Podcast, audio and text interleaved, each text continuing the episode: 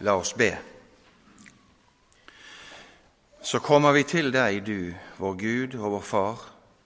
Du kjenner oss. Du vet om hva som er våre gleder og våre sorger akkurat her i dag. Vi ber at ordet må lyde rent og klart i dag, og alle dager vi samles her i kirken. Så legger vi denne dagen og denne stunden i dine hender, og takker og priser deg for evangeliet som stadig igjen og igjen kommer til oss med liv og frelse. Amen. Denne søndagens evangelietekst er altså i Lukasevangeliet i det femte kapittel. Og vi leser fra vers 27. Deretter gikk Jesus ut. Da fikk han se en toller som het Levi. Han satt på tollboden. Jesus sa til ham, Følg meg. Og han reiste seg, forlot alt og fulgte ham. Levi holdt et stort selskap for ham hjemme hos seg, og en hel del tollere og andre var sammen med dem til bords. Fariseerne og de skriftlærde blant dem murret og sa til disiplene, Hvorfor spiser og drikker dere sammen med tollere og syndere? Men Jesus svarte dem, Det er ikke de friske som trenger lege, men de syke. Jeg er ikke kommet for å kalle rettferdige, men syndere til omvendelse. Dette var ordene, Hellige Far, hellige oss i sannheten. Ditt ord er sannhet. Amen.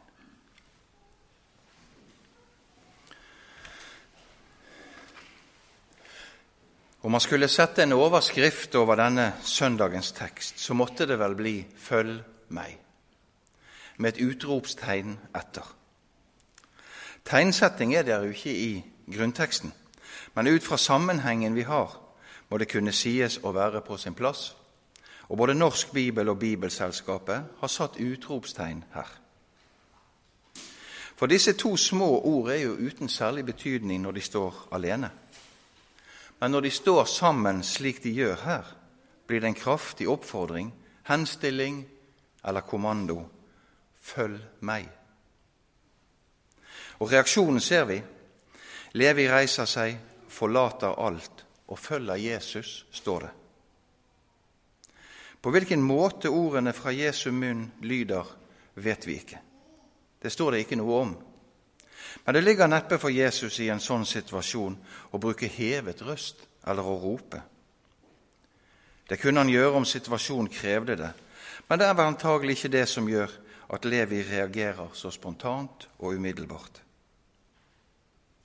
For oss mennesker så er det jo gjerne slik at om vi ønsker en reaksjon fra den vi snakker med eller til, så understreker vi noe viktig ved å bruke stemmen, og vi fremkaller på den måten en ønsket reaksjon. Og Vi kan lese flere steder at Jesus roper, f.eks. i Johannes 12. Den som tror på meg, tror på ham som har sendt meg, roper han.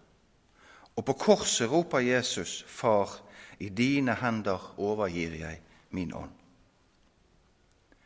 Men kanskje er det et rykte om Jesus som allerede er kjent for Levi. I teksten like før vår tekst ser vi at Jesus helbreder en lam person og sier til ham at dine synder er deg forlatt. Og vi ser hvordan menneskemengden den gang som nå splittes i synet på hvem Jesus er.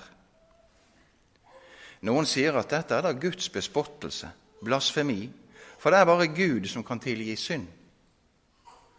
Andre priser Gud og takker ham for det utrolige de har sett. Levi hører tydeligvis til den gruppen som priser Gud for helbredelsen. Er dette Messias, den lovede frelser som nå står foran ham? Noen han kjenner, har kanskje antydet at dette er ham, og så fylles Levi av ærefrykt glede og begeistring av å bli kalt av Jesus.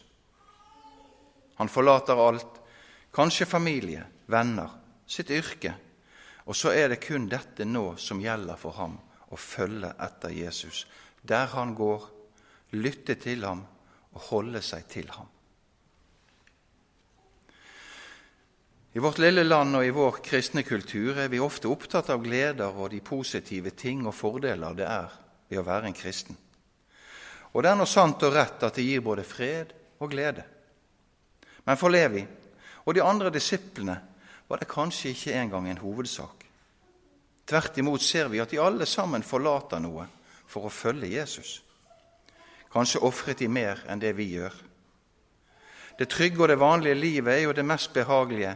Ingen liker å bli rykket ut av det. Men disiplene, og også vi i dag, får høre dette, at vi skal følge ham. Og så får omkostningene ved dette komme som det vil. Snakker vi med våre venner fra Iran, ser vi fort at vi i Norge er i en ganske så behagelig posisjon som kristne, selv om vi ser at samfunnet forfaller rundt oss, og spott og latterliggjøring er blitt en del av hverdagen, også for mange av oss. Detaljene i møtet mellom Levi og Jesus vet vi altså ikke. Men vi aner noe av denne intensitet som ligger i møtet mellom de to. Jesu ord er av en slik art at de altså på et øyeblikk endrer den kursen som et menneske har lagt for seg selv. Gud griper inn hos mennesker, og han handler med dem. Og denne Levi er jo den samme som Matteus, som er kilden til vårt evangelium etter Matteus. Det ser vi i Matteus evangelium, kapittel 9. I dag har dette begrepet 'å følge' fått en helt spesiell og særlig betydning. Mennesker elsker jo å følge sterke ledere og ideologier. Det er historien full av, som regel med katastrofalt resultat. Og med den moderne teknologi har vi fått dette at det er en stadig jakt etter følgere, særlig på de såkalte sosiale medier. Hvor mange følger deg på Insta, kan man høre unge mennesker snakke om. Og Donald Trump eksempel, har 31 millioner følgere på Twitter. Så kan han og alle andre skrive sine meldinger og nå ut med sitt budskap over den ganske verden på et øyeblikk. Slik blir tanker og ideer i dag spredt til alle og enhver som vil lytte til det. Men Jesus utvelger seg dem han vil utvelge, utvelge seg. I dette tilfellet Levi, som får et livsforvandlende møte med Jesus. Kanskje noen av oss har hatt et slikt møte, et særlig intenst møte med Jesus, der man hørte ordet forkynt, en salme som sa noe spesielt eller en person som kom med noe som liksom talte på en særlig måte til en. Og så måtte man gå til Bibelen, til møter, til gudstjenester og til Herrens nattverd. For man ville lære denne Jesus bedre å kjenne, og man kjente en begeistring eller brann i hjertet. Flere kjente personer som vi gjerne siterer i en luthersk menighet, kan berette om slike møter. Hans Nilsen Hauge hadde sin opplevelse av et Herrens besøk eller kall da han gikk bak plogen og sang 'Jesus, din søte forening og smake' på gården utenfor Fredrikstad den 5. april 1796. Han opplevde plutselig en herlighet som ingen kan beskrive, sier han. Og så var livsveien lagt for ham. Også Luther vises det til et særlig møte med Herren. Da han satt i tårnet på Wartburg og leste Romerbrevets første kapittel. Hans dype og stadige søken etter en nådig Gud fikk liksom en forløsning da han kom til vers 17. Den rettferdige av tro skal leve. Da gikk liksom et lys opp for ham, og denne opplevelsen kalles da for Luthers tårnopplevelse. Og det sies av mange forskere, ikke alle, men mange, å være den skjellsettende opplevelse der han gjenoppdager evangeliet og ser at Herren arbeider med mennesker gjennom sin hellige lov og ved sitt evangelie. Nå er det viktig å presisere dette, at slike opplevelser gir Herren etter sitt eget ønske og vilje. Det fremkommer ikke på et møte der en karismatisk taler har liksom lagt til rette for at folk er kommet i en tilstand at de forventer noe spektakulært, og så skjer det i et ettermøte. Det er ofte helt alminnelige psykologiske mekanismer og leder folk like gjerne bort fra Jesus og inn i å granske sitt eget sinn og hjerte. Og For de fleste av oss så er jo kristenlivet slik at vi aldri har noen tårnopplevelse eller lignende som vi liksom kan peke på og si 'Der skjedde det. Der møtte jeg Jesus'. For min egen del så hadde jeg kristne foreldre og et ungdomsarbeid i KFUM som liksom pekte ut en vei for meg. Ofte har jeg tenkt at det mangler noe. Et kall, en spesiell opplevelse. Men slik skal man selvsagt ikke tenke. Både Luther og Hauge fikk særlige oppgaver som Herren ga utrustning til, og det kunne nok trenges da de enten satt i fengsel eller flyktet for livet. Hverdagskristen vil jeg være, synger vi den kjente sangen av Mathias Orheim. Og selv for en kristen, uansett hvor brennende eller dedikert man er, så er det hverdager det fleste av. Det skal vi ikke se smått på. Gud har satt oss til å være lys og salt i verden, alle steder der vi måtte gjøre vårt arbeid, i familien eller i nabolaget. I våre dager kan man høre mye om dette å være en disippel. Og det er da rett og godt slik det står i dåpsbefalingen gjør alle folkeslag til disipler idet dere døper dem og lærer dem. Sånn sett står vi som kristne i dag i det samme kall som Levi, Peter og Johannes fikk. Men om det er likheter, så er det også åpenbare forskjeller. Vi kan ikke følge Jesus i hans vandring i Galilea. Vi kan ikke gå etter ham opp til Jerusalem og se ham dø. Vi kan ikke komme til graven og se at bare linkledene ligger der, selv om det finnes flere tomme graver i Jerusalem man kan besøke i dag, som sies å være Jesu grav. Men den oppstandende kan vi ikke møte legemlig. Vi kan altså ikke følge ham fysisk slik Levi gjorde. Vår etterfølgelse bygger på noe annet enn denne personlige oppfordring ved Jesu røst, men rett forstått så er det ingen forskjell. For det disiplene og apostlene så og hørte, er overgitt og levert videre til oss. Det er en sannhet vi ikke så fort skulle hoppe over det. Vi har Jesu ord hos oss i Den hellige Skrift. De som var øyenvitner og ørevitner til det Jesus sa, har gitt Hans ord videre til oss. Vi hører sammen med apostlene, for vi hører det samme som de hørte. De så Jesus gå på vannet. De hørte og så det da Lasarus kom ut av graven. De så den tomme graven og møtte den oppstandende Jesus. Og ved Guds nåde har vi beretningene om dette hos oss nå, akkurat i dag. Måtte denne kunnskap og kjennskap få fylle oss med takk. La oss tenke på døperen Johannes et øyeblikk. Han satt fanget og kjempet med tvil. I Matteus 11 leser vi i fengselet fikk Johannes høre om alt Kristus gjorde. Han sendte bud med disiplene sine og spurte, Er du den som skal komme, eller skal vi vente en annen? Jesus svarte, Gå og fortell Johannes hva dere hører og ser.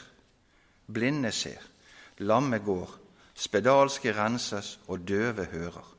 Døde står opp, og evangeliet forkynnes for fattige.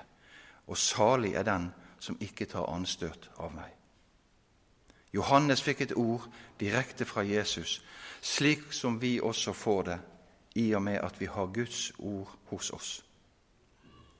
Jesu ord til Levi er dermed også Jesu ord til oss følg meg. Om vi ikke kan gå til fots til Tiberias og Jerusalem, går vi til Ordet og la det være vår rettesnor i livet. Slik Luther sier det i forklaringen til det tredje bud du skal holde hviledagen hellig. Det betyr at vi skal frykte og elske Gud, så vi ikke forakter forkynnelsen og Hans ord, men holder ordet hellig og gjerne hører og lærer det. Det er vår tids disippel-etterfølgelse, at vi hører ordet, lærer det og tar vare på det. Begrepet disippel er mye brukt i dag i forskjellige kristne sammenheng. Særlig ordet disippeltrening går igjen, og et raskt søk på nettet gir nesten 4000 treff. Det er intensiv disippeltrening, disippeltreningsskoler og meget mer. Gjennomgående ser det ut til at denne måten å tenke på fort kan ende opp i strev, med fokus på alt man skal gjøre, og det er veldig langt unna det Jesus inviterer til. Vi ser mange avhoppere fra slike sammenhenger berette om dette. Forrige søndags prekentekst kan her godt nevnes. Mitt åk er lett, sier Jesus.